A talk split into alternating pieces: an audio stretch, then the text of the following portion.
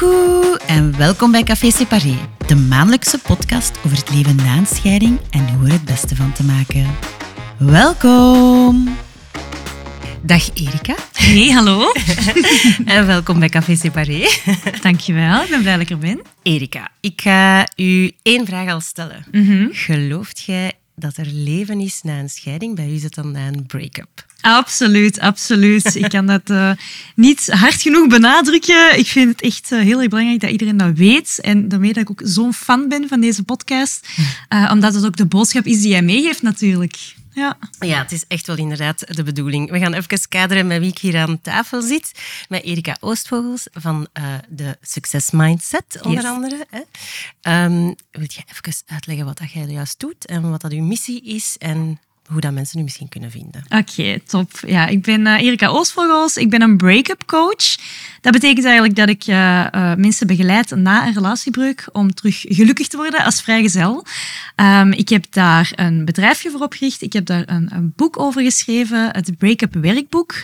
En mijn website is succesmindset.be voor zij die iets meer info daaromtrent willen hebben. Ik ben ook actief op Instagram en YouTube en TikTok. En wilt jij even vertellen hoe dat jij op dat idee gekomen bent om break-up coach te worden? Ik ben een aantal jaar geleden begonnen als life coach, dus dat was veel meer eh, een algemene coaching. Maar ik merkte dat dat eigenlijk een probleem was, wat bij heel veel mensen terugkwam, die relatiebreuk, eh, omdat daar toch wel een heel grote verandering en een heel grote shift is in de mensen hun leven. Ehm, dus heb ik besloten om mezelf daarop toe te spitsen. Ik vind het ook gewoon een super interessant onderwerp. Ik heb zelf ook al wat eh, break-up watertjes doorzwommen. Ehm, dus ja, zodoende. Ja. En wat zijn voor u de zwaarste ervaringen geweest met uw break-ups? Of wat was... Kun je daar iets over vertellen? Ik heb een aantal lange relaties gehad. Ehm, mijn eerste break-up was denk ik, toen was ik 25 jaar toen dat gedaan raakte. Of 24. En hoe lang waren jullie al samen? Dat was een jaar of zes. Ah ja. Ehm, dat was iets wat ik niet besloten had, maar wat voor mij besloten werd. Dus ik was de gedumpte. Ja. En eh, ja, dan, dan toch echt wel... Ja, dat klinkt zo grof, maar ehm, dat is dan toch echt wel dat rouwproces voor de eerste keer echt volledig eh, doorlopen. Ehm, dan eh, terug een nieuwe relatie gehad, ehm, die ik zelf verbroken had. Eh, uiteindelijk waren we ook verloofd. Dus ik heb wel echt die keuze moeten maken op een, op een moment in een relatie waarvan de andere persoon toch wel heel erg zeker was. En ehm, ik besefte dat ik dat niet was en dat ik daar ook niet mee verder wilde gaan. Dus ik heb eigenlijk aan de twee kanten gestaan. Eh, dat is ja, allebei een rouwproces, maar als je zelf degene bent die dat uit de stap zet om de, om de relatie te beëindigen, dan ja, is dat toch wel net iets anders. Omdat je, je probeert dat op een zo, zo lief mogelijke manier te doen, want je hebt die persoon ook heel graag gezien. Ehm, maar je, ja, je staat eigenlijk al verder in je proces. En ik denk dat je dat ook een keer had gezegd in een van je eer- eerste afleveringen. Van ja, degene die die keuze maakt, die, die staat gewoon al mentaal gezien een paar stappen vooruit. Ja, geloof ik. Ja, dat is ook zo. Ja, dus het, de twee kanten meemaken is ja, toch wel een totaal ander perspectief geweest uiteindelijk. Hè? Ja, ik vind het wel, dat is wel goed dat je die twee kanten inderdaad hebt meegemaakt. Ehm, ik weet dat ik op een bepaald moment... ehm, eh, je weet dat ik, ja, ik ben dan mijn- ik ben gescheiden en dan ben ik beginnen daten. En ik, ik weet dat ik me echt afvroeg van, zou ik dat... Ik vond dat wel goed dat ik dat, ik dat heb meegemaakt van te daten, omdat je ook echt wel moet durven er een einde aan... aan, aan... Ja, Allee, dat is wel ook een hele belangrijke. hè? Ja, en je zit zo hard in je comfortzone van, van de veilige relatie, die eigenlijk niet leuk is en waar je eigenlijk niet heel, erg- heel erg gelukkig van wordt, maar Ja. die dat toch ja, op, op die manier aanvoelt van ik wil er niet weg. Ja. Zo'n beetje don't rock the boat. Ja. Ehm, maar intuïtief beseft je gewoon van dat, dat zit hier echt scheef. Ja. Want inderdaad, een van de redenen waarom ehm, ja, waarschijnlijk ook heel veel luisteraars niet durven een einde te brengen aan hun relatie, is, is net ook allee, wat ik vaak hoor terugkomen, de angst voor de eenzaamheid. Wat daarna? Zeker wel, zeker wel. Ja, eenzaamheid is iets wat je alleen maar leert door het te zijn natuurlijk. Hè. Dat, is, dat is het moeilijke daaraan. Ehm, maar ja, dat is een beetje een proces wat je eh, doormaakt na die breuk. En waarbij je uiteindelijk wel tot het besef komt van, ah ja, oké, ik kan dit wel. Ja. Ik kan wel alleen zijn met mezelf en, Ja. en mezelf amuseren en alleen thuis zitten. En in het begin van de relatiebreuk had ik altijd zoiets van, oh, oké, ik moet hier mijn, mijn agenda zo vol mogelijk plannen en zoveel mogelijk weggaan en feesten en leuk. Toffe periode ook wel, Ja. maar ik merkte kun je toch niet ook wel, dat houd je eigenlijk niet vol. En, en waardoor dat je uiteindelijk jezelf ook wel een beetje terugtrekt. En dan, oké, nu ben ik hier alleen in mijn appartement. Helemaal alleen met mijn gedachten en met mijn eigen gezelschap. Ja. En dan terug die zoektocht beginnen van, oké, wat vind ik eigenlijk leuk? Ja. Kijk ik graag een serietje? Wat voor serietje kijk ik graag? Je kunt alles zelf kiezen. Ja. Ik lees graag boeken. Ik ben dan terug naar de bibliotheek beginnen gaan. Hm, misschien moet ik gaan sporten. Dan toch maar een hobby gepakt. Allee, zo die zoektocht van je Die plan dagen gaan trekken. invullen Ja. jezelf zo een beetje. Ja, hè? inderdaad. Maar ja, die eenzaamheid, dat, dat, dat, dat komt echt gelijk een hamer in je gezicht natuurlijk. Hè. Dat is, dat is, Ja. dat is Ja. heel pijnlijk. Hè. Ja, ik denk dat als ik terugkijk naar hoe dat, dat bij mij is verlopen, ik, ik, ik was echt heel hard aan het, mij aan het bezighouden. Constant op zoek Die naar afleiding. vriendinnen, Ja. Eh, lopen, inderdaad. Ehm, en eigenlijk dat bijna nooit alleen doen. Alles wat ik deed was altijd om samen Ja. te zijn met mensen.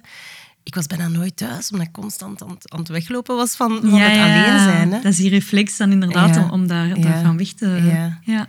Een vriendin zei me ooit, dus zo precies terug graag in je eigen gezelschap zijn of zoiets. Ja, ja, dat is echt. En jezelf ook echt kennen dan. Hè? Want Ja.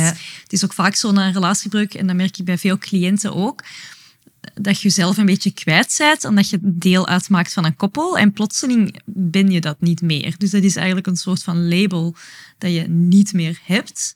Je bent nu gewoon je eigen volledige puzzelstukje, in plaats van dat je deel uitmaakt van een ander puzzelstukje, zeg Ja, maar. ja.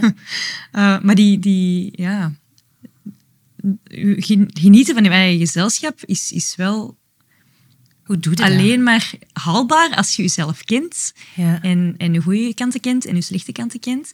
En, en goede vragen dat je kunt stellen zijn bijvoorbeeld van ja, wat deed ik eigenlijk graag als kind? Ehm, ben ik iemand die introvert is? Waar krijg ik energie van? Krijg ik energie van alleen zijn of krijg ik net energie van bij andere mensen te zijn? Ehm, ben ik iemand die goed haar grenzen kan aangeven?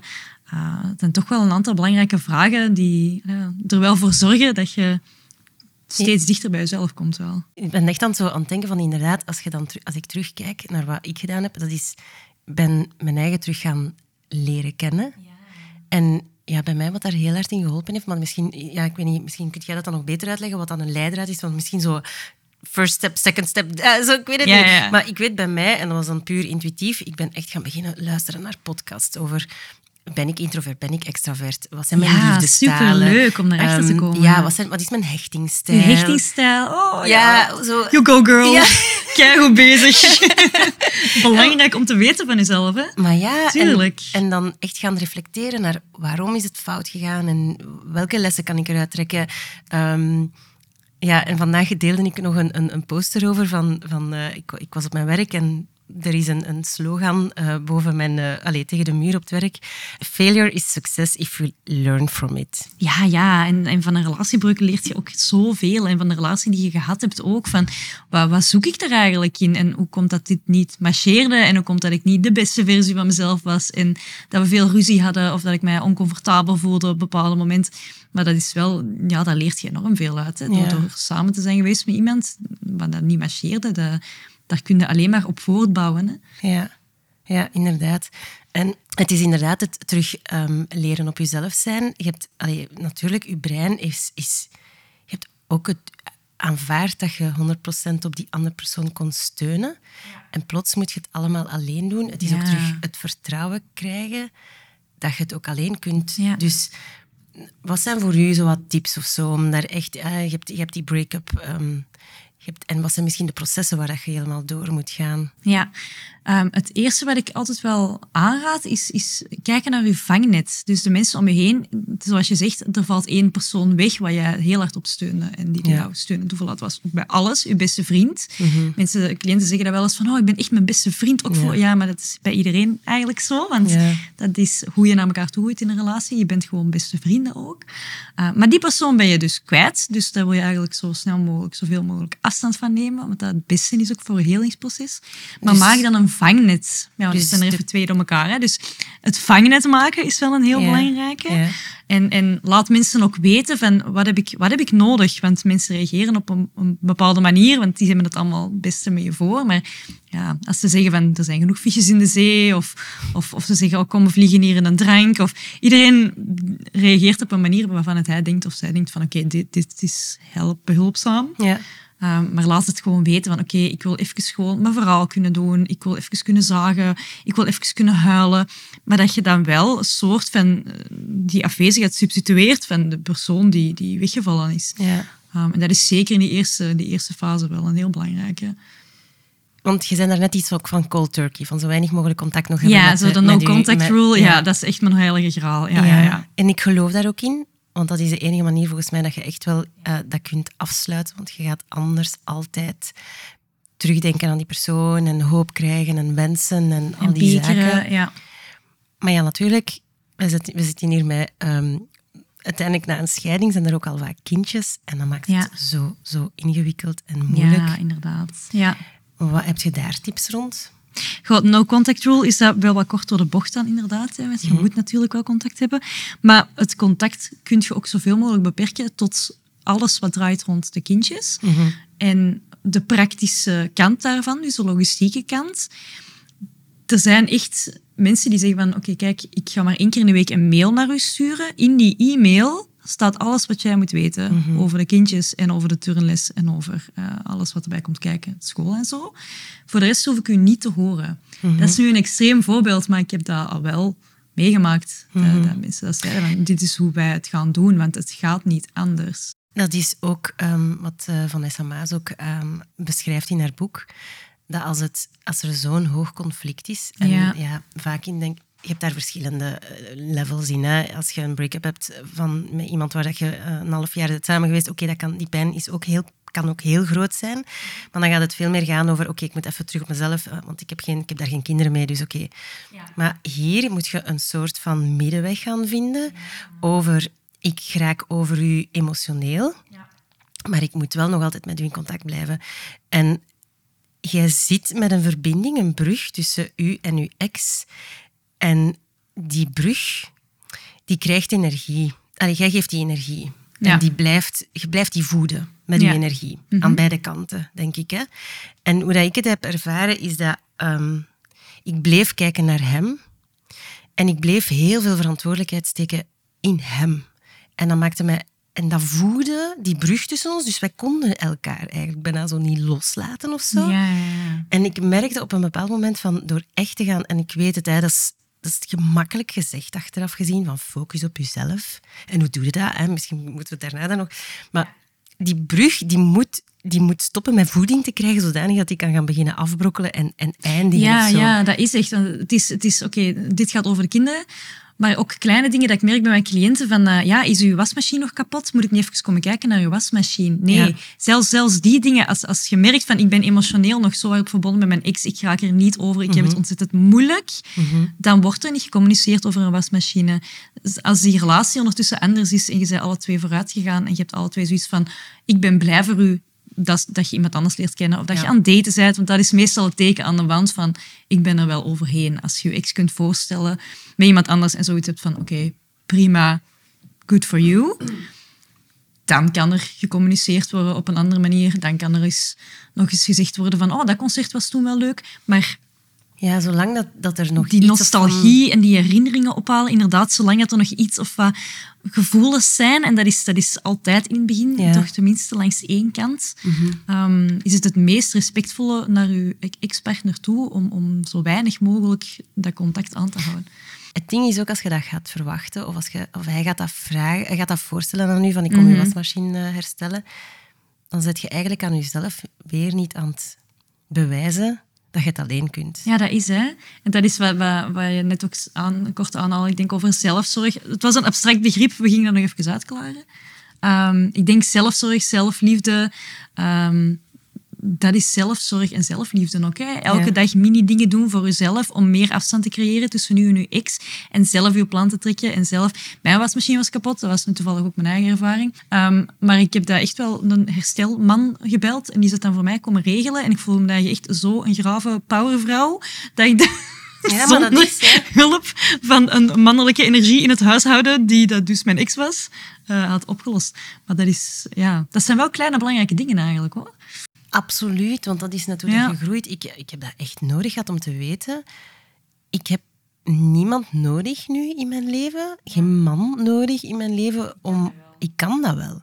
Dus als er nu iemand komt in mijn, in mijn leven, gaat dat echt iemand zijn die, ik, die, ik, die gewoon een die extra toegevoegde waarde is, maar ik heb die niet nodig voor die stomme praktische zaken. Nee, en dat maakt mij wel heel sterk om te weten van ik ga alleen maar iemand toelaten in mijn leven omdat ik hem als persoon in mijn leven wil. Niet omdat ik iemand nodig heb die mij moet helpen om te zijn wie ik ben of zo. Ja, en vlak na een relatiebreuk is dat natuurlijk ontzettend pijnlijk, hè, zo van die dingen. Hè? Ja, maar dat is het moment waarop dat je zegt, ja. fuck it all, ik kan het echt niet aan. Waarom ja, ja of je fiets is kapot, ik kan hier niet voort. Waarom heb, ik, uh, waarom heb ik geen relatie meer? Iemand die mij kan helpen, iemand die mij kan ondersteunen. Je hebt een rotdag gehad of zo. Ja, ja want allez, laten we eerlijk zijn, een break-up, een scheiding, het is ook heel pijnlijk. Hè?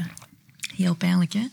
Dat is echt een rouwproces wat je door moet. Dat is echt hetzelfde als, als hetgeen wat je meemaakt als je iemand verliest. Want je verliest ook echt iemand. Um, en je verliest niet alleen die persoon, je verliest ook je schoonfamilie. Je verliest de persoon die je beste vriend was eigenlijk. Um, je verliest je toekomstbeeld. Um, uw, uw, woning, uw huis, uw wereld stort in. Hè? Dat, is, dat is niet te onderschatten. Hè? Wat ja ik, ik vind goed dat er initiatieven zijn zoals deze podcast. Ja. Want dat, ja, ja dat is wat zo'n grote impact. En ik had zo precies een hele tijd het gevoel van, oh my god, ik overdrijf hier zo keihard. Nee, nee, maar nee. Dat is, Heel waar. Dat is, um, dat is ook een beetje de reden waarom dat ik het gemaakt heb. Omdat ik ja. het belangrijk vond dat mensen dat wel beseffen, dat dat een heel zware... Allee, en en dat het mag zwaar zijn. Hè. Het is ook wel terecht dat het pijn doet en dat het zo aanvoelt. En ik denk door zo'n podcast te doen en dat jij benoemt van het is een rouwproces, het is een verlies van. Ehm, het is vandaag ook toevallig uh, de World Mental Health Day. Ja, klopt. En ik denk dan, dan ben ik echt blij dat we met zo'n zaken bezig zijn dat we mensen kunnen een hart onder de riem steken van benoem het, zeg het dat het pijn doet. Want ja. het is ook terecht. Hè. Inderdaad, je hoeft dat ook niet allemaal alleen te dragen. Hè? Je kunt ook rekenen op andere mensen in je leven die, die u graag zien. Hè? Ja, want dus ja, inderdaad, uw eerste tip is, in, is inderdaad zorg voor dat vangnet. Ik, uh, ik ben mijn vriendinnen zo dankbaar. Die zijn er zo hard geweest voor mij. Ja, um, oh, dat dus is echt fijn als je zo'n leuke vriendengroep hebt. Ja, ja, top. Heb je daar nog tips over van die eerste rouwperiode? Wat zijn de processen? Waar, waar kunnen mensen zich in herkennen? Wat kunnen ze doen? Goed, het eerste is eigenlijk altijd shock. Dus je snapt eigenlijk niet goed wat er gebeurt. En, en, en je, je, het komt niet goed binnen bij je. Hm. Um, het kan ook zijn dat je fysiek onwel wordt gewoon. Dus echt de shock ervaart van, ah oké, dit is het dan. Um, daarna volgt ontkenningsfase. Ontkenningsfase is een fase waar heel veel mensen in blijven hangen. Um, omdat er zoveel contact vaak nog is ook. Um, zeker bij een scheiding. Je woont nog een... Ja, je woonsituatie is niet van 1, 2, 3 opgelost. Hè? Dus, dus je woont nog samen. Uh, de, ja, die ontkenningsfase is wel iets. Je probeert nog samen dingen te doen, maar eigenlijk zet je uit elkaar en je zit al met één voet uit de deur. En verwarrende... Wij zijn nog samen op vakantie gegaan. Op vakantie gegaan, oh... Ja. En dat was... Um... Nee, dat was niet oké. Okay. Dat was echt niet oké. maar dat was ook, denk ik... Hij wou dat en ik had gehoopt. Ja, misschien is dat toch die ontkenningsfase dat, dat, dat, dat hem misschien zou doen inzien dat het nog niet zo slecht was of zo. Ja. ja. Daarna, en het is niet echt een lineair proces, daarna komt wat de boosheid van oké, je hebt eindelijk, je hebt wel door van dit is precies wel echt aan het eindigen. Boosheid, dus echt dat je heel kwaad blijft uh, op je ex. Um, ook wel een belangrijke om daaruit te komen, uh, omdat je ook mooie momenten hebt gehad met elkaar natuurlijk. Um, onderhandelen... Hoe voelt je dat? Hoe voelt je dat, dat je uit die boosheid zit? Ik voelde dat toen zelf, met dat ik iets, een quote las van Boeddha, want ik ben helemaal van de quotes, maar Boeddha heeft ooit gezegd, of uh, ja, dat stond in die quote, um, boosheid is zoals vergif drinken en verwachten dat iemand anders sterft.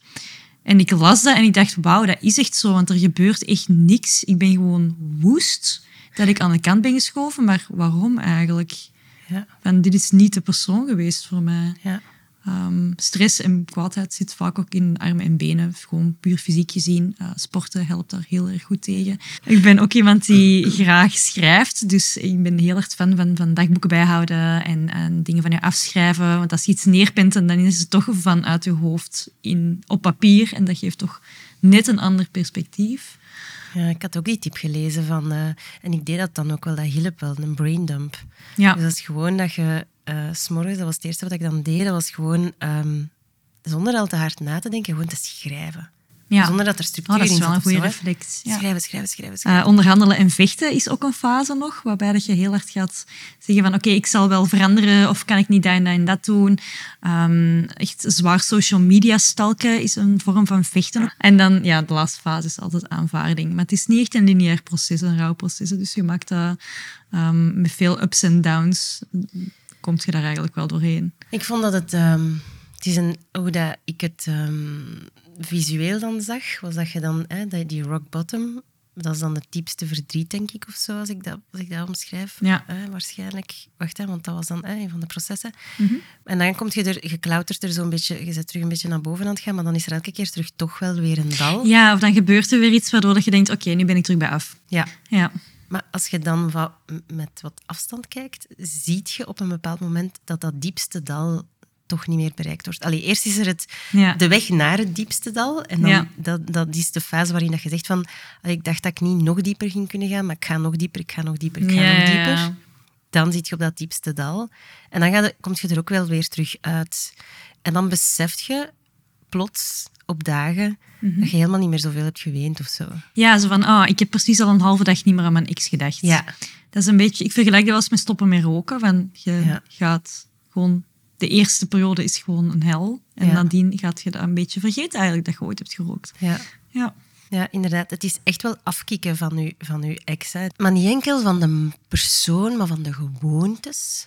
Ja, dat is en puur wetenschappelijk gezien is het echt afkicken. Hè? Want je zoekt bepaalde gelukshormonen bij je partner op, dopamine, serotine. Um, die hormonen hebben we nodig gewoon om blij te zijn in het dagelijks leven. Ja. Maar die bron die je daar altijd voor had, is weg. Want je ex is niet meer uh, in jouw leven. Dus ja, dan moet je andere dingen gaan verzinnen. Omdat, en daarom is social media stalken ook wel iets wat veel gebeurt. Omdat je toch zoekt naar die dopamine-hit van... Oh, hij heeft iets gepost of hij vindt iets leuk. Of een beetje het vals gevoel van controle. Um, zeker in die eerste fase is het ook wel een belangrijke om, om heel hard de balans te zoeken tussen uh, afleiding en verdriet. Dus je kunt um, de hele dag in bed liggen huilen. Maar dat is, ja, dat is heel begrijpelijk, maar dat is niet heel productief. um, en, en ook niet heel leuk. Uh, dus probeer dan toch eens de tv op te zetten of, of een boek te lezen of naar buiten te gaan. En laat jezelf op andere momenten toe om te huilen. Ja. Um, wat ik zelf ook wel deed, omdat ik, dat, ik heb het best moeilijk mee huilen. Ik doe dat niet graag. Uh, niemand doet dat graag. Maar um, dat heeft ook met opvoeding te maken van hoe dat je omgaat met huilen. En, en of dat je altijd sterk moet zijn en zo. Ja. Uh, maar ik ging echt expres naar, naar super triestige muziek luisteren. Gewoon omdat ik die huilbui bij mezelf wou ontlokken. Mm -hmm. En nadien voelde ik mezelf echt wel beter. En dat hoor ik bij cliënten toch ook wel vaak terug. Van oké, okay, ik ga mezelf echt wel moeten toelaten om hier even te huilen. En dan kan ik weer even naar buiten of mezelf afleiden met iets anders. Ja, ja ik denk dat mijn vriendinnen mij heel veel hebben zien wenen. Oh my god, ik was een vat vol. Ik wist niet dat ik zoveel kon blijten eigenlijk. Ja, ja dat is begrijpelijk, ja, tuurlijk. En wat is uw tip inderdaad om dan uit die... Ja, dus kom buiten, maar kan het zijn, hoe dat ik het op een bepaald moment heb gevoeld, is dat dat stuk van woede heeft mij ook wel wat energie gegeven en kracht gegeven. Ja. Klopt ja, ja, ja, ja, ja, ja dat, is, dat is zeker zo. Omdat dat het moment is waarop dat je eigenlijk een shift meemaakt van oké, okay, die ex-relatie was helemaal niet perfect. Die persoon is niet perfect. Eigenlijk is het niet helemaal eerlijk wat er gebeurd is. Ja. Ik ben boos. Dus dat is, ik, ik ben eigenlijk altijd blij als cliënten in de boosheid, in de boosheid komen. Ja, en ik, ik zeg altijd, oh, go girl. Want, of, Eindelijk. dus, Allee, zo, ja, omdat je, maar, hè, niet omdat je erin moet blijven hangen per se, maar omdat je dan ook stopt met hem te idealiseren of, of met je ex-vrouw te idealiseren. Want uh, mannen zijn natuurlijk ook de dupe van relatiebreuken. Maar ik merk altijd wel van, oké, okay, na die boosheidsfase, oké, okay, er gaat echt wel vooruitgang komen. Ja. De ontkenningsfase is voorbij, let's go. Ja. Oké, dus die boosheidsfase, die, kan, die, kan, die hoeft... Allee, daar moeten we dan natuurlijk ook uit geraken. Eh, het heeft geen zin om hem te blijven bekijken als het monster. Dus bij u was die shifter met die, met die quote. Heb je daar nog misschien tips over? Van, dat is eigenlijk een vorm van hem los te laten. Zij of hem los te laten. Hè? Ja.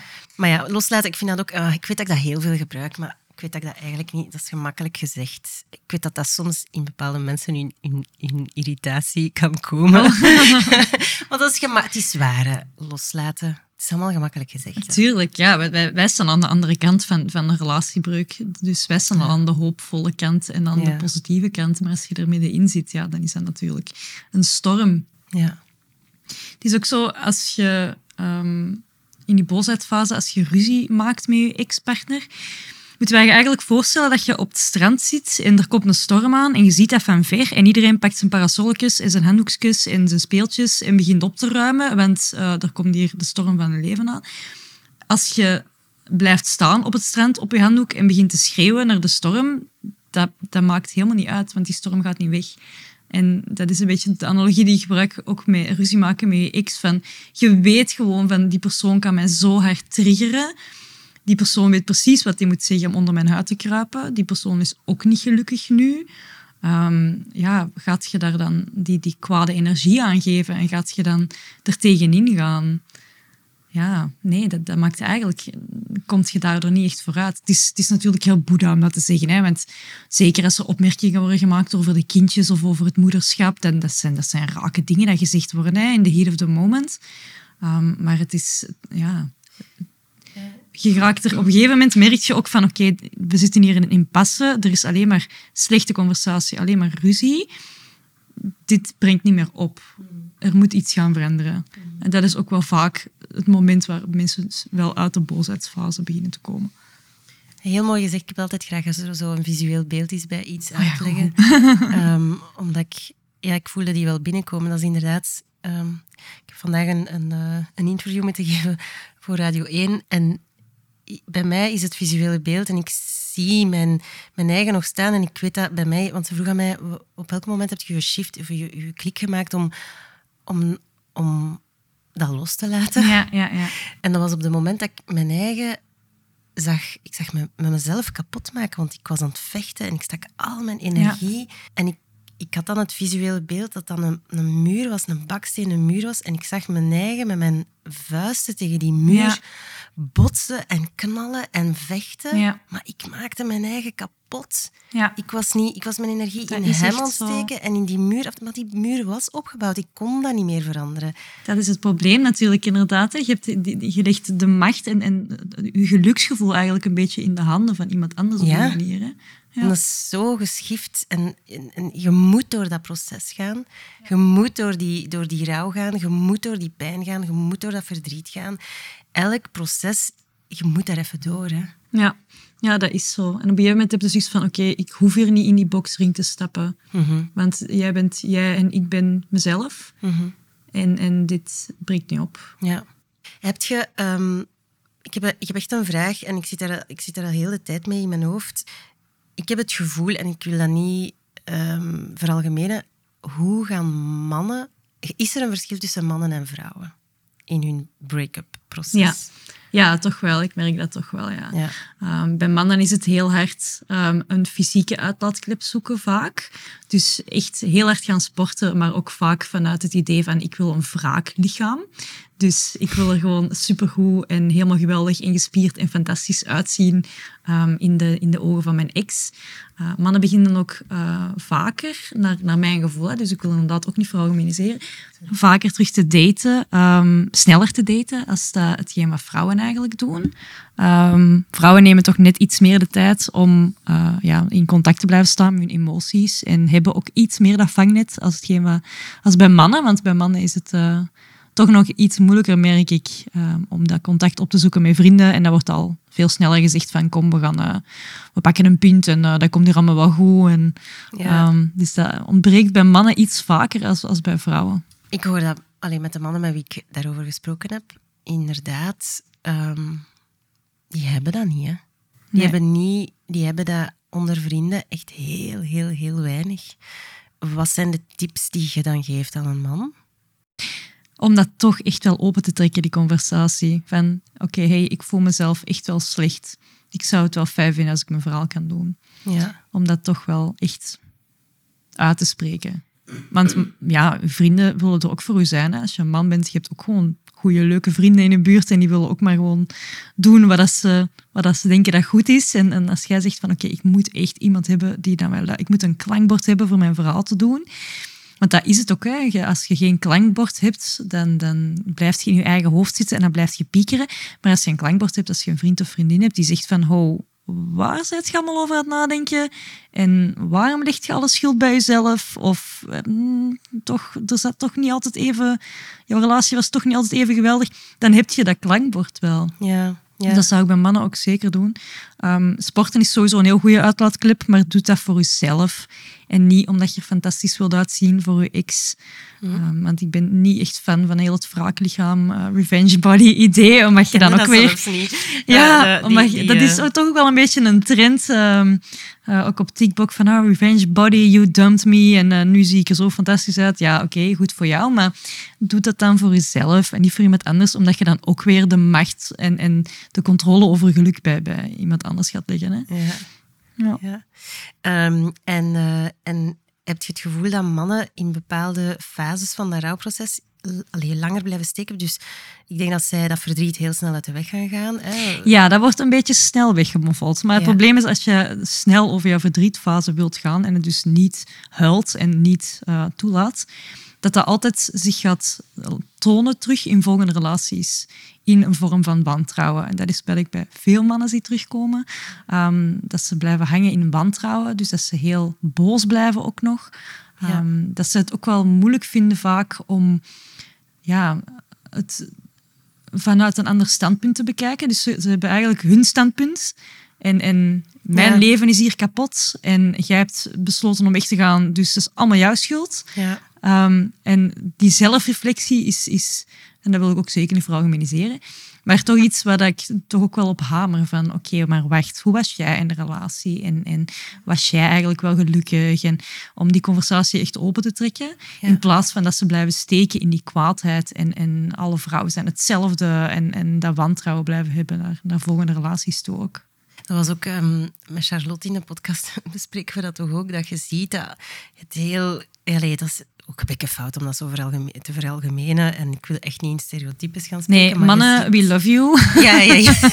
We kunnen echt uiteindelijk niet zonder jullie. Maar, maar we voelen wel dat ehm, een vrouw gaat echt het werk doen. Ze gaat echt aan haar eigen werken. Ze gaat op zoek naar hoe kan ze verbeteren.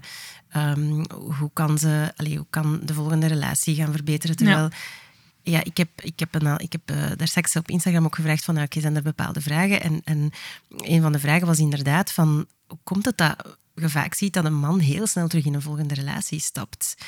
Ehm, terwijl een vrouw daar precies toch iets langer mee struggelt om de juiste man tegen te komen. Of ja, is dat misschien een, een algemeen beeld? Ik weet het niet. Maar dat gevoel heb ik toch ook wel, ze. Ja, ja, inderdaad, dat er toch wel vrij snel naar een soort van vervanging gevo- Ja. gezocht wordt. Ja, En, en niet echt het innerlijke werk eh, gedaan wordt Juist. om eh, inderdaad erachter te komen. Wat is mijn hechtingsstijl? ja. Eh, wat voor persoon ben ik? Wat vind ik leuk? Introvert, eh extrovert. Ja. Dat, dat je die dingen allemaal weet van jezelf. Ehm, maar bij mannen is het inderdaad iets minder. Dus ik denk dat er toch nog wel ergens het stereotype in zit van... Ja, als jongen moet je sterk zijn. En, en Ja. dat dat toch nog heel erg in de opvoeding zat of zo. Ook, van, emoties zijn een beetje uit een boze. En jij bent hier de, de boom en, en waar iedereen op kan steunen. En ehm, dat dat er toch nog een beetje in zit. Hè? Ik merk dat toch wel. Ja, ja, Ja, inderdaad. dat mannen echt sterk willen zijn. Ja. Kunt je vrienden blijven? Dat was ook een van de vragen die naar boven is gekomen. Ah ja, ja, die krijg ik ook regelmatig. Ehm, ja, dat kan. Maar eh, enkel en alleen als je alle twee volledig door eh, je relatiebreuk heen bent. En als je eh, oprecht blij kan zijn als je ex iemand nieuw ontmoet. Ja, Dan kan het eventueel wel, ja. ja. Maar dat is niet in de periode na de breuk te forceren. Want dat maakt het alleen maar pijnlijker eigenlijk. En de vraag van... ehm, is er een kans dat we terug samenkomen? En is dat wel een goed idee? Hmm. Ik zou in 90% van de va- gevallen echt wel nee zeggen. Ehm, maar het kan wel. Maar ik ben daar heel voorzichtig mee. En dat is omdat ik dat niet als doel wil stellen. Uh, er zijn heel erg veel, uh, hoe krijg ik mijn ex terug websites. Ja. Um, Zie, voilà, dat want- is niet het doel. Je kunt wel zeggen van oké, nu gaan we even uit elkaar zijn en ik, ik zet mezelf even op een eh, eh, schap voor jou. Eh, en over een half jaar zien we wel meer, weer. En dan, jee, dan zijn we toch terug. En dan ga je jezelf zo hard beperken in, Ja. in nieuwe mensen leren kennen. Zo hard beperken in, in vooruit te gaan. Ja. Dus ik zou dat zeker niet als doel stellen. Het doel is om gelukkig te leren zijn alleen. Het doel is om om te leren gaan met eenzaamheid. Het doel is om te leren huilen door je proces heen te geraken. Niet Ja. om terug samen te komen. Volg ik ook helemaal. Ehm, en ja, wil ik, wil ik ook echt inderdaad aan toevoegen van... Als je, na een break-up is het echt wel focus op jezelf. Ja. En niet wachten tot of hopen op. Want Nee. dan, dan is het eigenlijk teken dat je er nog niet over bent. Hè. Ja, inderdaad, dat is zo. En geloven in het universum. Ja, geloof het universum, maar dat het er straks over. Ja, geloof in het universum. Echt wel, alles Ja, komt goed. wel. Manifesteren, de liefde. Manifesteren. Ja, ja, Ehm, ja. Vertel eens, wat, wat bedoel je daarmee? Ik wil dat toch even... Ik weet dat het hier misschien niet echt over gaat, maar ik vind dat wel een interessante. Ja, ik geef dat ook wel vaak mee aan mijn, aan mijn cliënten, ehm, omdat ik dat een heel leuke vind. En, en manifesteren is eigenlijk dat je ehm, voor jezelf in je onderbewustzijn gaat, eh, iets gaat creëren waar dat je naartoe kunt werken en wat je eigenlijk een soort van aantrekt van het universum. Dus ik weet, voordat jullie denken van wat een zweverige bende daar. Eh, het is eigenlijk een beetje ja, de leer van, van The Secret. Dus je gaat, ehm, je gedachten hebben een bepaalde energie. En als je positief denkt, dan, dan trekt je positieve dingen aan. En als je bijvoorbeeld denkt van, oh, die persoon heb ik al lang niet meer gezien, dan kan het zijn dat je die ineens weer tegenkomt en dat je denkt, oh, dat is toevallig. Maar als je in het universum gelooft, zoals de twee zweverige vrouwen hier, dan is dat geen toeval. Dan is dat de universe.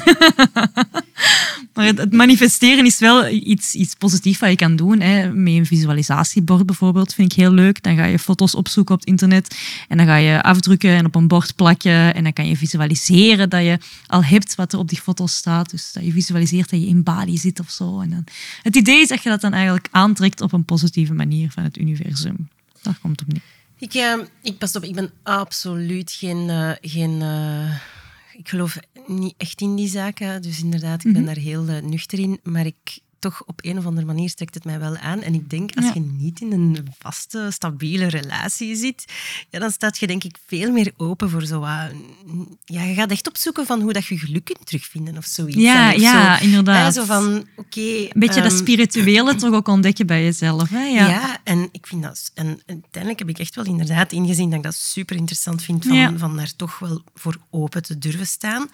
En ik geloof eh, in, in, in het manifesteren, visualiseren.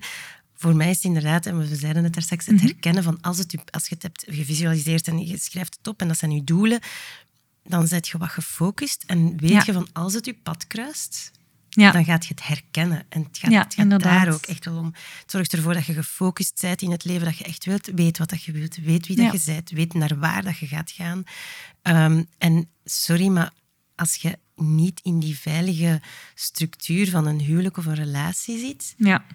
voor mij was dat wel echt hulpvol van mijn doelen uit te schrijven. Ja, dat was bij mij ook echt een ommekeer. Ja. Ja. Ik weet Ja. nog dat ik toen in Ibiza was. En Ibiza staat een heel schil, schril contrast met de veiligheid van een comfortabele, langdurige relatie.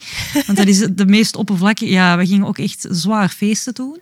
Oh, Maar er was hebt, eh, wel een, hebt het eh, ander- ik heb, ik ga, ja, mensen die mij volgen op Instagram weten dat ik echt helemaal gek ben van Ibiza. Ik, Ja, ik vind Ibiza echt Ja. eh, ook geweldig. Maar ja, we, we hebben voornamelijk het feest eh, Ah ja, want je hebt daar ook wel echt heel hard die spirituele kant. Hè? Ja, ja, inderdaad. En de hippie ja, dat is ook iets wat ik wel graag echt wil ontdekken. Ja, ja, ja, ja. Ik heb het al Ehm. gezegd op Instagram. Mijn bedoeling is om... eh, eh, ik, ga, ik wil wel eens een ret- retraite organiseren in Ibiza.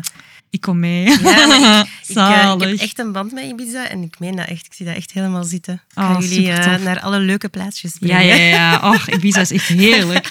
Maar dan had ik dus ook een, een omkeermoment. En dat was, eh, het was ik dus op strand aan het wandelen. En toen dacht ik ook van, oké, Erika, nu gaan we terug doelen stellen. We moeten even... Dat was na, na een kater, met een kater. Ja, dat was, ik dacht, ik ging gezond ontbijt. Ik was echt op een eentje eh, weggedwaald van de groep. Eh, ik moest echt een gezond ontbijt hebben. En ik dacht, oké, ehm, ik moet even mijn leven een beetje op orde krijgen. Oh, maar die dagen, die, die ken ik hoor. En dan, maar voor de eerste keer na die relatiebreuk, die doelen te stellen, vond, ik wel krachtig eigenlijk. Dus van, ah ja, oké, ik heb hier een leven. Ik kan ervan maken wat ik wil. Wat wil ik eigenlijk? Wil ik een keer... Ik wou heel graag naar het Louvre gaan in Parijs, want daar was ik nog niet geweest. En dat was een van mijn doelen. Van, ik kan een keer naar het Louvre. heb ik ook effectief gedaan. Met mijn zus. Ehm, ja, gezondheidsdoelen, spirituele doelen, ehm, bepaalde boeken dat ik nog wou lezen. En dan, dat, heeft wel, dat is wel een stap vooruit zo, om dat te doen. Ik herken dat. Ehm, bij mij was dat dan niet na een, na een zatte avond in Ibiza, maar ik, ik heb daarvoor gehad um, na een hele zatte oude jaar. Dat een heel, eigenlijk nog met veel emoties. Ja. En ik heb toen zo een emotionele kater gehad. Ik weet dat ik echt, oh my god, dieptepunt van, van, van, van emoties. En Oh, natuurlijk, als je met een kater Ja. zit, dan, dan maakt het precies allemaal Oh ja, die anxiety Ah, wel, er ja, voilà. Ik heb Ja. eigenlijk alles, alle foute dingen gedaan die ik kon doen. Dat was eh, aandacht zoeken van mannen, zat worden. Allee, Ja, ja, ja. om over- En de volgende dag zo, hmm, oké. Niet je beste werk. Van, hmm, maar dat was misschien toch niet echt de beste optie. Dus eh, Ja. misschien kunnen we dat ook gebruiken naar de volgende vraag. Wat zijn de te vermijden valkuilen na een eh, break-up? Ah, ja. Oh ja, dat is voor mij de valkuil. Ik heb, eh, ja, ik heb er een aantal opgeschreven in mijn boek.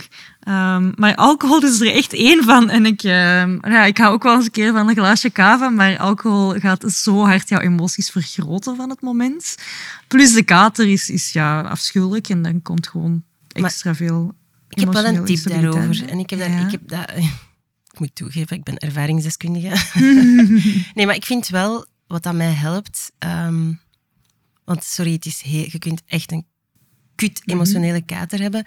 Maar ehm, die dag probeer ik echt door te brengen met gewoon te Netflixen of zo. En vooral te beseffen, Ja. het is niet echt. Het is mijn emotionele kater. Ik- Ja, ik, ja, ja. ik ben dan heel hard bezig met in mijn hoofd te zeggen van... Oh my god, Linda, je zet, ik weet het, het lijkt het einde van de wereld...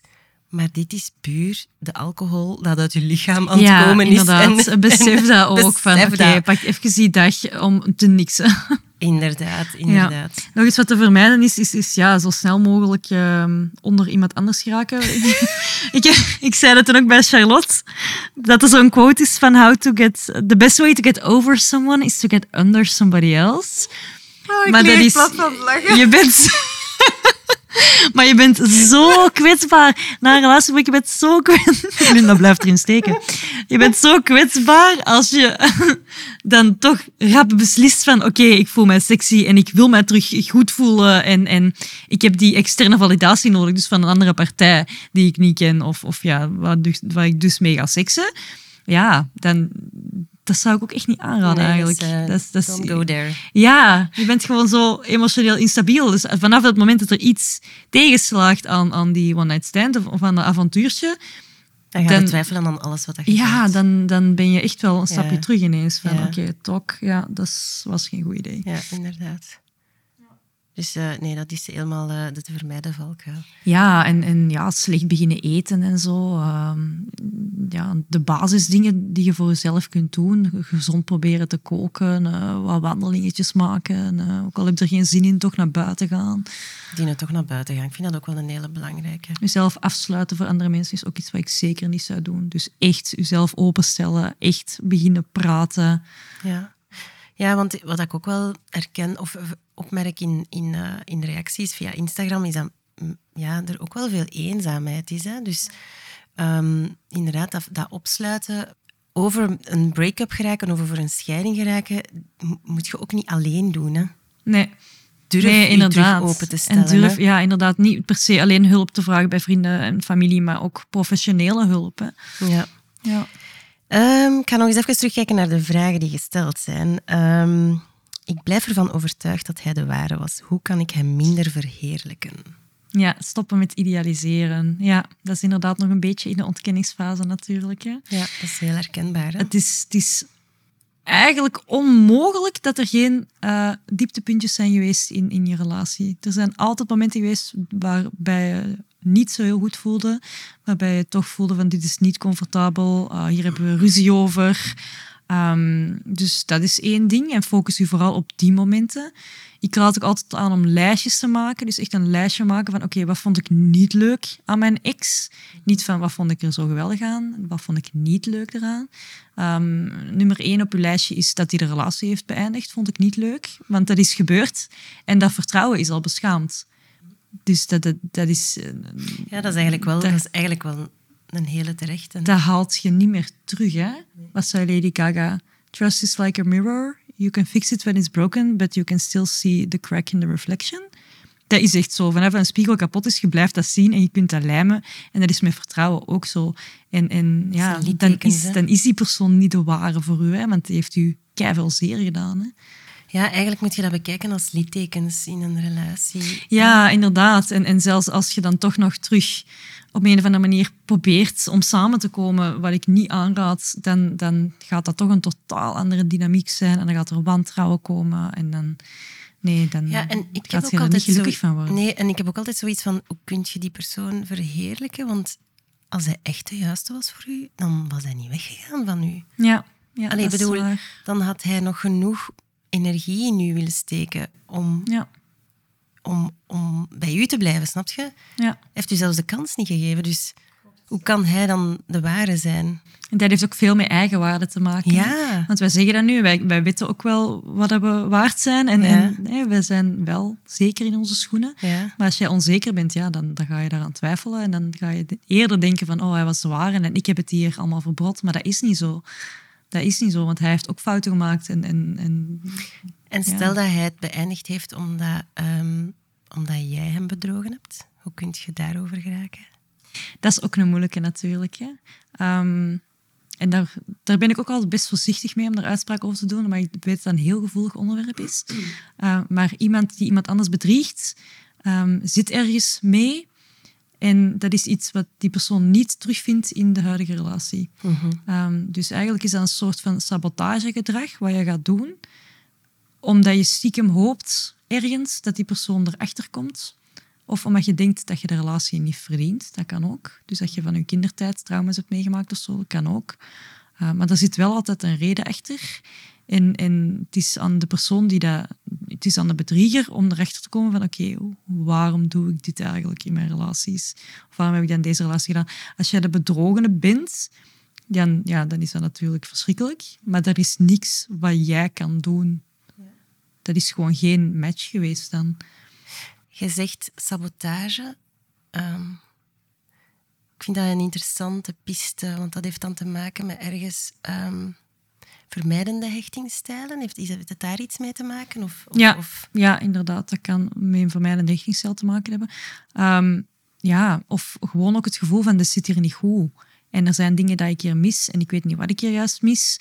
Maar hey, hier is iemand leuk en spannend en nieuw. Ehm, en dat je dan eigenlijk op een onbewuste manier je relatie gaat saboteren. Ja.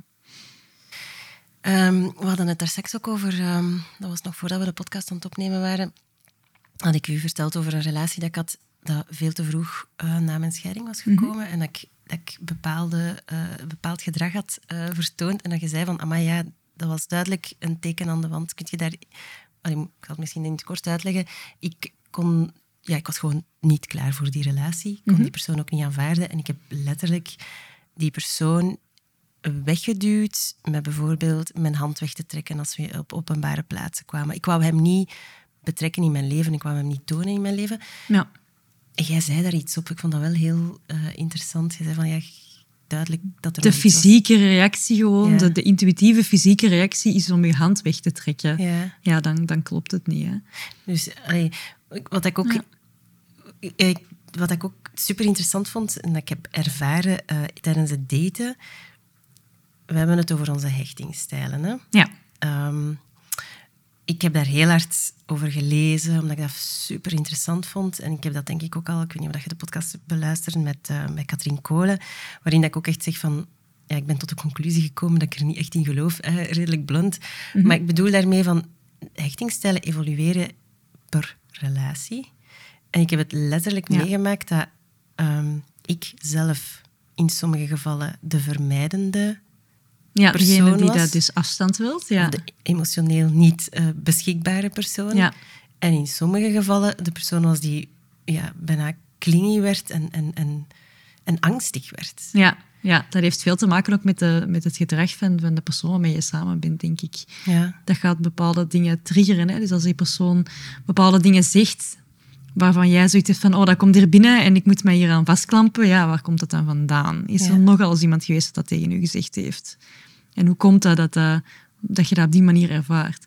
Dus een hechtingsstijl is niet per se fixed voor je leven. Dat, dat varieert inderdaad wel. Maar het is wel een goeie om dat te herkennen van, oh, oké, ik ben hier irrationeel aan het nadenken. Ehm, ik ben met te hard aan het vastklampen. Ik ben... Het is ook altijd wel goed als je het weet van jezelf en je beseft het om het even te communiceren. Van, oh ja, ik, ik vind het echt wel leuk met jou hoor, maar ik wil nu even afstand. Ik heb wil even alleen zijn. om dat te communiceren voordat je in je schulp kruipt. Om te zeggen van, ik ga dat even doen, maar alles is oké. Oké, bye.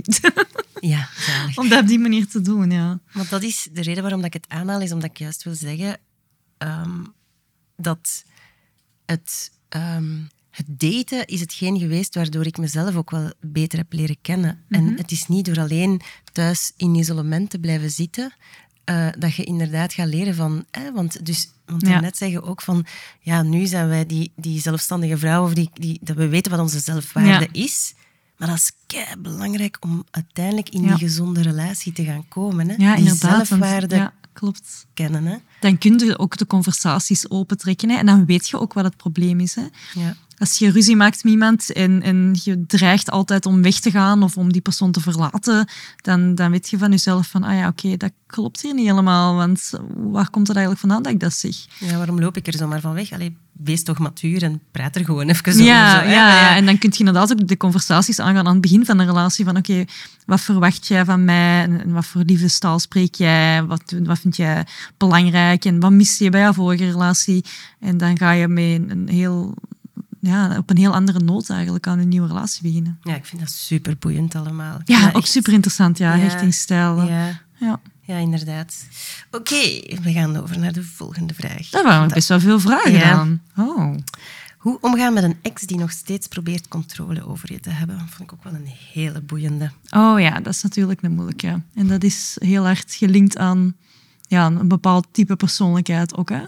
Ehm, dat heeft heel hard met grenzen te maken. Hè. Dus als je merkt van oké, die persoon blijft me bellen en die verwacht dat ik opneem, neem dan eens een keer niet op. Of probeer dat op die manier op te bouwen en, en te zeggen van kijk, ik kan hier niet mee om. Probeer het ook zoveel mogelijk te blokkeren. Ook op Instagram, op Facebook, alles van social media af te blokken.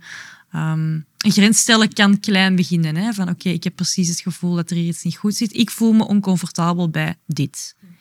Oké, dus dat is dan uitgesproken. Wat voor reactie gaat je dan krijgen? Waarschijnlijk als dat een controlerend persoon is van, ah ja, oké, waar maak jij je druk om? En, en dat klopt helemaal niet wat jij zegt en je emotie wordt niet herkend. Ehm, maar Gaslighting. ja, het, inderdaad, het gaslighting, het omdraaien van jij bent hier degene die dat verkeerd is. Maar ja, als er gewoon continu een grens overschreden blijft worden, dan moet je daar echt wel een gevolg aan, aan zetten. Van oké, vanaf nu blokkeer ik jouw nummer en communiceren we per e-mail.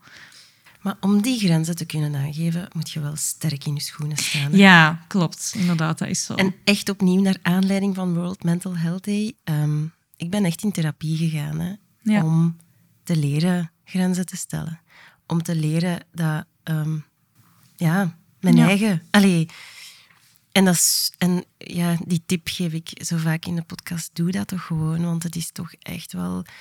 We zeggen dat hier wel en we gaan daar misschien heel lichtjes over, maar grenzen stellen is de Ja, dat is, dat is van zo alles, belangrijk. Ik heb daar nog een mooie analogie voor. Stel voor dat je een huis hebt in het bos en ehm, je hebt een mooie groentetuin en er komen altijd eh, herten en beren jouw groentetuin op eten.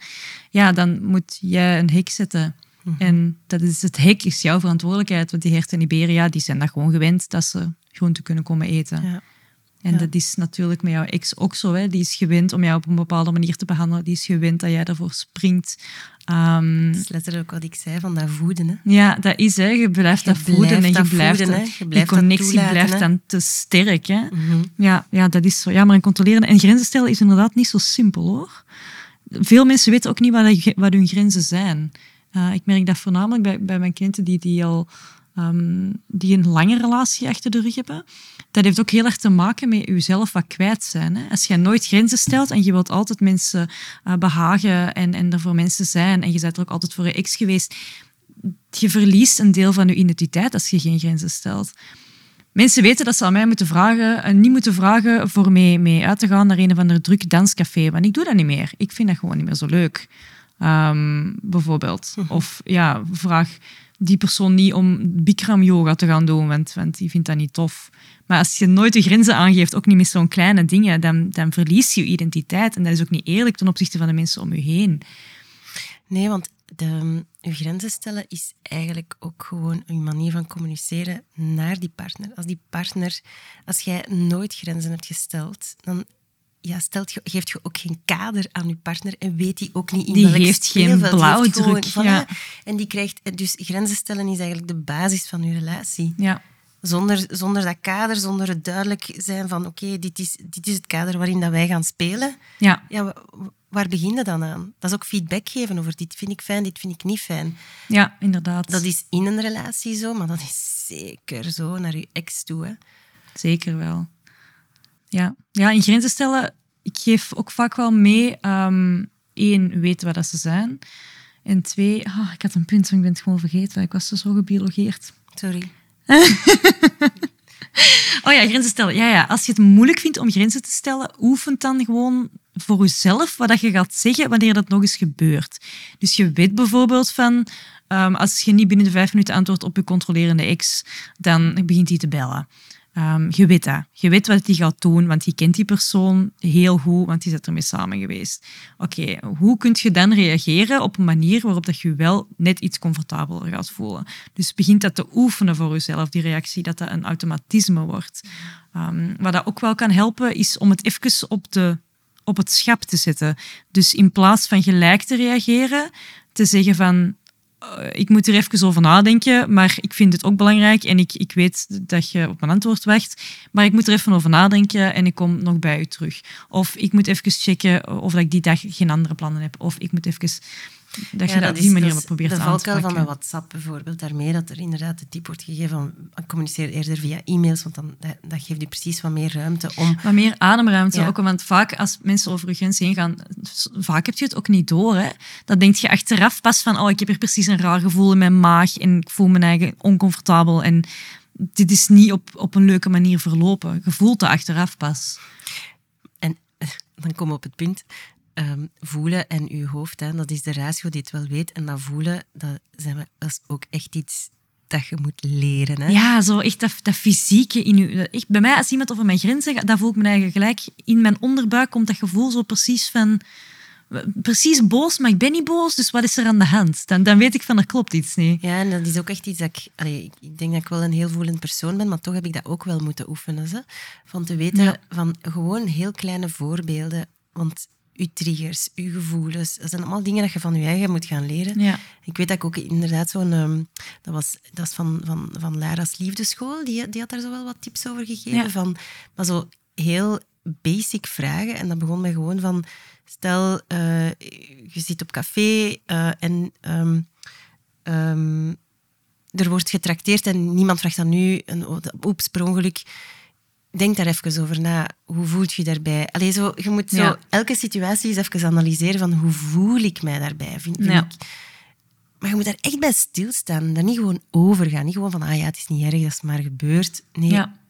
Bij daten is dat ook een heel belangrijke. Hè? Als, als bijvoorbeeld iemand zegt van, eh, ja, waar spreken we af voor de eerste date? Ja, als het bij jou in de buurt is om jouw hoek, ja, dan, dan liever niet.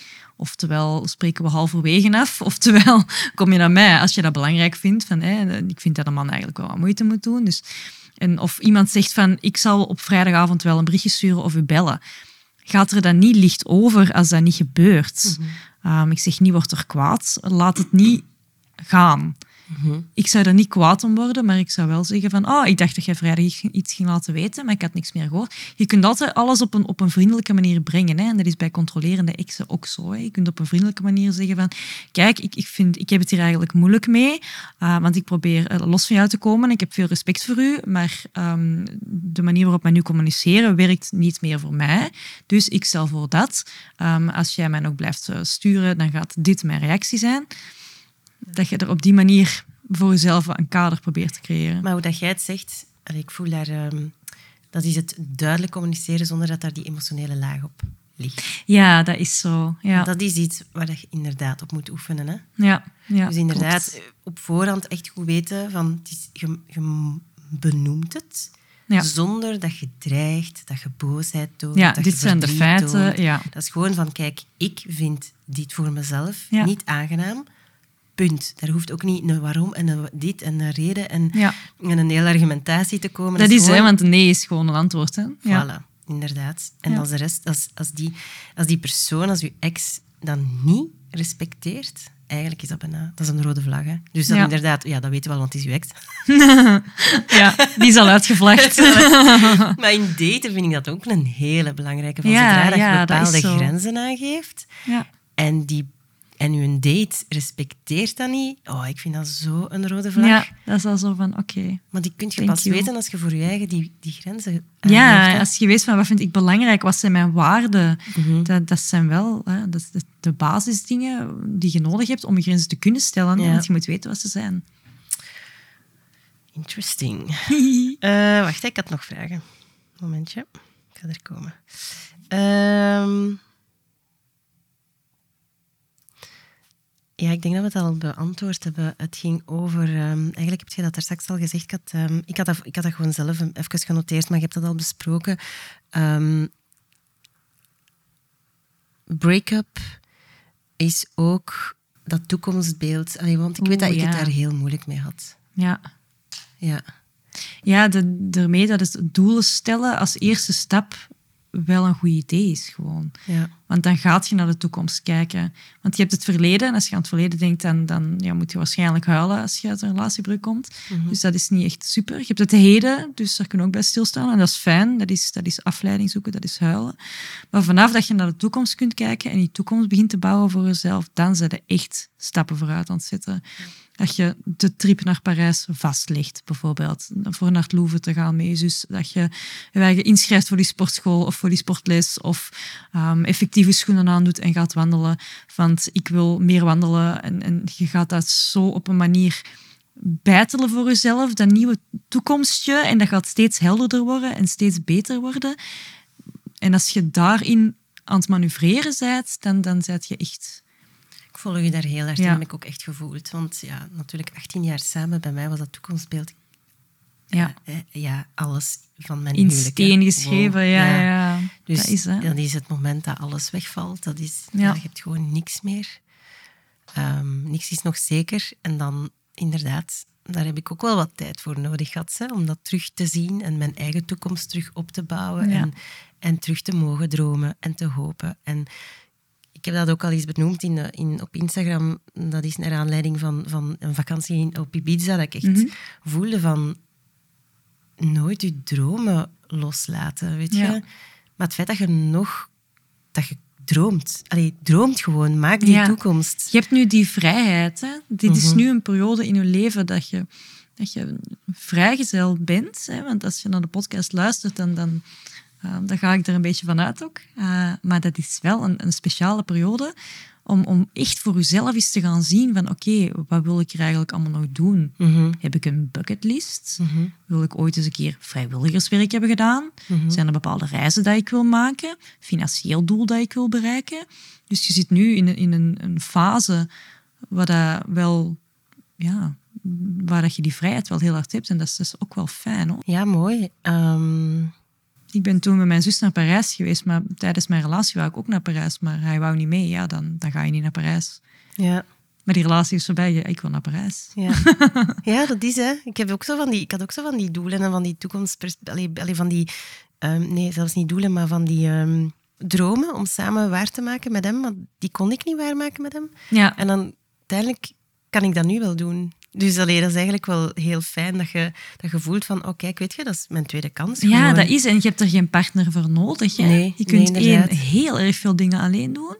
En je hebt ook andere mensen in je leven die je graag zien. Hè? Die dan met jou ook wel een tripje willen maken. Of een keer eh, een, een try-out sportles willen gaan doen. Of, Ja. of, ja, je kunt heel veel dingen doen. Hè? Ja. Maar ik geef wel toe dat het ook wel een beetje een overlevings... Daar zit wel veel... Allee, ik weet wel dat ik dat zo wat kon, kan verkondigen, maar het is ook wel... Vaak is het ook zo wel wat gecrispeerd van wensen en willen. En, en je doet het allemaal, maar je, het, is, het blijft toch wel... mm, weet je, je hebt niet dat vast kader. Dus je, je, Ja. je moet wel vechten zo wel een. Ik voel, Ja. voel dat ik toch nog wel... allee, ik ben super gelukkig met waar ik ben. Mhm. Maar er is ook wel een fight. Allee, zo aan Lewin in mij. Ook zeker Zo dat kinderen. overlevingsinstinct. Dat- Ja, ja, ja, inderdaad. En Ja. dan natuurlijk, want waarom dat ik dat ook altijd aankaart van ik wil niet stoppen met dromen, dat is Mhm. misschien ook wel net dat overlevingsinstinct van als je stopt met dromen, ja, dat, ik heb dat, ben wel even gestopt met dromen op een bepaald moment, omdat Ja. alles was weg. En je Shock, wordt je daar ja. wel heel, heel bewust van, denk ik. Ja, Ehm, inderdaad, dat is zo. dus inderdaad, ik kan me perfect inbeelden, ehm, als je het pas te weten komt, je hebt daar gewoon geen ruimte voor, maar het komt Nee. ook wel terug zo. En Ja. blijf erin geloven dat je terug gaat kunnen, kunnen, kunnen dromen op een bepaald moment. Ja, en, en het is natuurlijk niet zo dat een, een relatiebreuk opgelost is met een sportles of een tripje. De- misschien inderdaad dat het wat te kort door de bocht eh, klinkt, want dat is zeker niet mijn bedoeling. Ik wil ook absoluut niks minimaliseren. Nee, nee. Ehm, maar het zijn wel stappen. En Ja. elke dag een beetje dichter bij de persoon die jij wilt zijn en Ja. kan zijn. Vooruitgang is eigenlijk vaak gelijk aan, aan gelukkig zijn. Ja. Als je merkt van hier zit vooruitgang in. Als je merkt, oké, ik ben stappen aan het zetten om eindelijk eens die vijf kilo te verliezen of zo bijvoorbeeld. Ja, Mensen worden daar gelukkig van. ja, tuurlijk. En dat is niet alleen ook afleidend, want dat is natuurlijk ook het positieve eraan. Ja. Maar dat is ook wel iets wat, eh, wat ik merk dat veel cliënten helpt. Ja, Dat doelen stellen, Ja. plannen maken, ja. naar de toekomst kijken. ja, maar ik geloof daar ook echt wel in. Je moet, je moet positief blijven. Allee, je moet proberen toch het... eh, ehm, Ja, en als je dan eens een keer een hele dag in de zetel hangt en Netflix kijkt, dan is dat ook allemaal oké. maar ja, Want je moet ook niet elke dag doelen stellen en elke dag jezelf proberen te verbeteren. En nee, sommige dagen zijn gewoon echt stront. en dat is oké. En dat is echt oké. Ja, en die zijn er ook. En echt, ik, dat is nu de derde keer dat ik het herhaal, maar het is zo World Mental Health Day. Ik heb echt ook foto's genomen van mezelf als ik aan het wenen was, ehm, om daar, dat niet te vergeten. Ja. En ehm, bes- bespreek dat, deel dat met uw vrienden, Ja, praat inderdaad. daarover, want het is, je zit er echt niet alleen in. Het is zwaar om alleen te dragen. ja, ja, en je moet dat niet alleen dragen, voilà, Nee. inderdaad. Nee. Oké, amai, eh, heftig. maar wel, ik denk wel mooi. Want, Oké, ik hoop echt oprecht dat mensen hier iets aan gehad hebben. Dat was Ja. echt wel mijn insteek dat ik waarde eh, Ja. kon meegeven. Dus ik hoop dat ik dat ook gedaan heb. Ik ben ook heel blij met deze podcast, gewoon dat die bestaat. ja. Dat wil ik wel even meegeven. ja, dank u om eraan mee te werken ook. Ja, ik vond het eh, gezellig. Ja. Dat is top. Maar ik heb misschien nog één vraag voor Oh, u. tuurlijk. Is er nog iets dat je er graag zelf aan wou toevoegen? Want ik heb heel veel vragen gesteld, maar is er nog iets dat je echt heel graag als boodschap wilt meegeven? dat er echt wel een andere kant is aan, aan, aan de relatiebreuk en dat je echt wel uit je pijn gaat geraken. Dat is, ja, mijn hart breekt altijd mee met het hart van mijn cliënten. Dat is altijd zo. En het is zo herkenbaar ook altijd. Die pijn dat je voelt, ehm, dat je niet meer kunt functioneren, dat je ja, die verheerlijking van de ex. Ik voel zo hard mee, ook met de mensen die ik coach. Ehm, maar dat is, er is echt wel hoop. En er gaan echt wel leuke dagen komen en toffe momenten. En de zon gaat terug opkomen en je gaat een theetje drinken en alles komt goed. En dat is echt zo. Dat is ook echt zo. Ik geloof dat ook. Ja, Oké, dank u. Heel mooi. heel graag gedaan. Dank u wel. Bedankt voor het luisteren naar deze aflevering van Café Separé. Ik hoop dat je de boodschap van kracht mee kunt nemen voor je eigen toekomst. En schatjes, stay positief. Yes, you can. En vergeet niet, we're all in this together. Ciao, kus. Bye, kus.